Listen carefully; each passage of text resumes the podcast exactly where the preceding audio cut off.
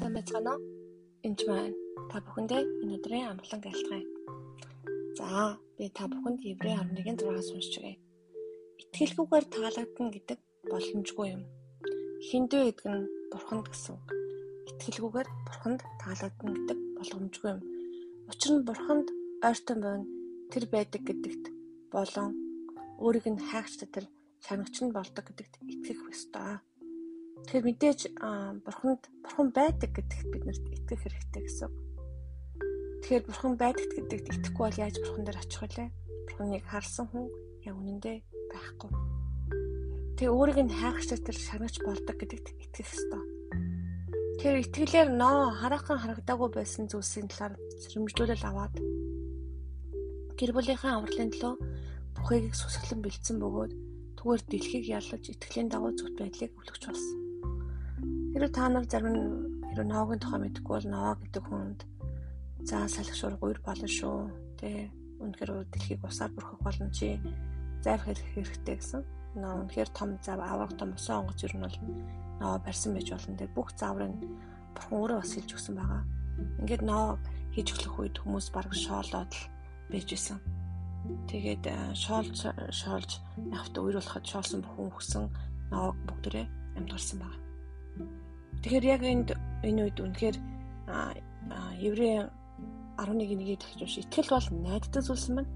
Бодит байдал харадахгүй зүйлсийн баталгаа юм. Тэгээ итгэлээр энэ хүн найдсан байгаа. Тэгээд үнэхээр Бурхны хэлсэн үг бол баталгаатай үнэн гэдэгт итгээд энийг хийж хэрэгжүүлсэн ба.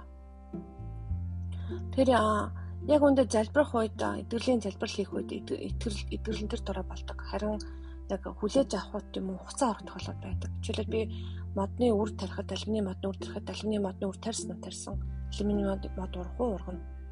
Тэгээ усалж ятлаа энд ургана штэ. Яг алюминиас үр жимс гартлаа ч юм мод ургатай хуцаа орно. Зүлэг бол хурдан янз бүр байгаа. Тэгээ түрүүчийн подкастаар би хурдыг дүлийн тухай ярьсан бол энэ удаа жоохон судаан ч гэсэн идэвхтэй талаар ярьж өгөх гэсэн. Хоёр жишээ хэлж өгье.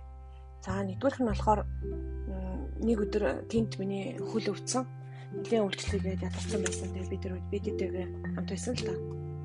Би тийм нь одоо гэртээ харсан. Тэгсэн чинь гайг байхдаа гэж утсан шүнжээгөө хөл өвцөн. Тэгээ нэг үсэл орж ирээд би үнэхээр хөлн өвчтэй байгаа нэг найзаагаа залбирсан. Хамт залбираад баялаа авралын залбир хийгээд Есүс Христийг хүлээж авсан байгаа. Тэгээ даруй сүсээр дүүрсэн. Тэр хүний хөл үнэхээр өвчтэй олон олон дагалгаанд орсон хүнд өвчтэй хүн байсан. Тэгээд одоо юу гэмдэ ер нь бол улаан буддтай ч гэх юм уу тийм хүн болохоор нь эсвэл ухаантай хүн болохоор би айгаад Иесусийн тухай нэг ярьдгүү. Тэгэл баг багаар ярьсан ч гэсэн тэгэл жоохон имэйл имэйлт хүндгсэн байдалтай байсан. Гэтэ яг үүндээ тэр хүндгсэн гэсээс лөө би зүгээр л миний буруу байсан. Энэ бол буруу зүйл. Яг бол түүний аврал марчгүй шүү дээ. Тэр хүний ямар байх нь одоо ямар үзэл бодолтой байгаас үл хамаа би бас найзтай үндтгэлтэй хандхаасаа гэлөө илүү түүний аврал нь илүү чухлыг ус ойлгох хэрэгтэй байсан. Ингээ яг тэр өвдсөн үед нөгөө хүний өвдөж байгаа саранд ороод яана энэ хүн ийм хүнд өвчтэй байсан биш үү те. Гэтэл би гимшээ тэгээд найстайгаа ярьсан. Тэгээд тэр үед маань үнээр итгэж болсон тэр хүн. Тэгээд нөгөө хөл маань зүгээр болохгүй хөвтөж чадахгүй үлдэлж чадахгүй амар гэсэн. Өглөө боллоо. Бэтиг дуудлаа. Бэти өглөө шүүл гэсэн. Тэгэл залбираараа гэдгсэн. Яг залбирах үед би хүлээж авсан шууд мэдсэн. Миний хөл идгэрсэн дахиад залбиралтгүй болсон гэсэн. Тэгвэл одоо босоод яв гэж. Босож явахгүй ямар ч хөдөлгөхгүй л босож явж чаддгүй.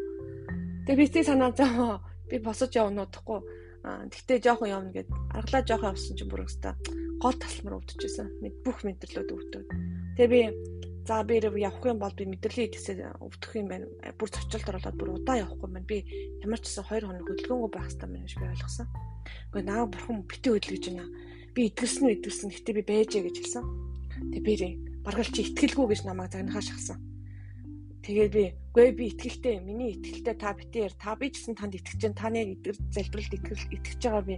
Гэтэ би яхаарахгүй босч явж болохгүй байна гэд 2 хоног байсан.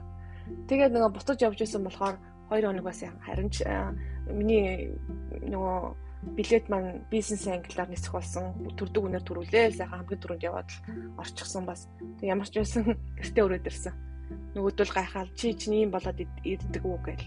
Тэгэл чөтгөр хүртэл өглөөл, хажууд хүртэл өглөөл, өөрөө эдгэрлийн залбирал хийдэг байж, өөрөө өвдцэн арчаагүй энэ төр гээл. Чи босоод яваач чаддсан бол энэ төр гээл. Олон юм болж л байсан.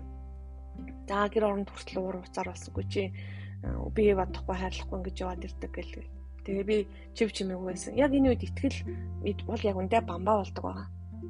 Хүмүүс юу гэж хэлж байсан гэсэн нөхцөл байдал ямарч байсан. Миний нөхцөл байдал бол үнэхээр өвчтөй байсан. Хөдөлж чадахгүй. Хүмүүс үгэлжсэн үгэлжсэн миний ментор үгэлсэн, миний нөхөр хөө чи өөрийгөө боддгоо гэж хэлсэн. Ингээд яг нөхцөл байдал дээр би өвчтөй байсан. Үнэхээр харагдахгүй зүйлийн бодит байдал мөн итгэл мөн. Тэгээд тэгээд яг одоо энэ цаг мөчид би та нарт бас хэлэх чинь энэ цаг мөчид үнэхээр та үнэхээр таны итгэл бол бамбаа бас болдог аа. Тэгээд энэ удахгүй эдгэрэн гэхдээ би хүлээж одоо хүлээж авахд бэлэн байсан. Тэгээ яг цаг нь болохоор гэж мэдчихлээсэн. Тэгээ би 2 өдөр гэтээ би ажиллаа байсан. Өдрөн дээрээ суугаад ч юм уу дөрвөлж өргөлж босгож машин дотроо сууж яваал. Тэгээд сүмрүүгөө чи юм байж яаж сүмрүү явах вэ гэсэн. Би сүмдөө явнаа л гэсэн. Тэгээ сүмдөө яг орохгүй л яг машин дараа буух гэсэн чинь шууд зүгээр буугаад өгсөн. Ингээд л би итгэрч гисэн. Одоо 2 хоног хүнд байж байгаа идэрсэн гэсэн үг. Тэгэхээр ийм тохиолдолд бол итгэрсэн гэдэгт үнэхээр итгэж байгаа үедээ эргэлдэж болохгүй. Нөхцөл байдал ямар ч хүмүүс юу ч хэлж байсан гэсэн та ерөөсөө эргэлдэж болохгүй шүү. Тэгээ энэ бас саяхан болсон явдал. Тэгэхээр би бас хаяада уу уу өвдөж энэ бол илчлэлтээс болсон уу, дайруулсан уу? Би юуг ин хэлж мэдэхгүй. Ямар ч байсан тухай би өвдсөн. Аа тэгээд миний итгэл бас энэ үед бамбаа болоод бус хүмүүсийн үгийг би тоогоогүй, нөхцөл байдлаа анзаараагүй, хараагүй Аа тэгээд идэвхлээ би хүлээж авсан баа. Тэгээд танд ч гэсэн ийм тохиолдол тохиолдож магадгүй шүү гэж бодоод тэгвэл подкастыг хийлээ. Баярлалаа.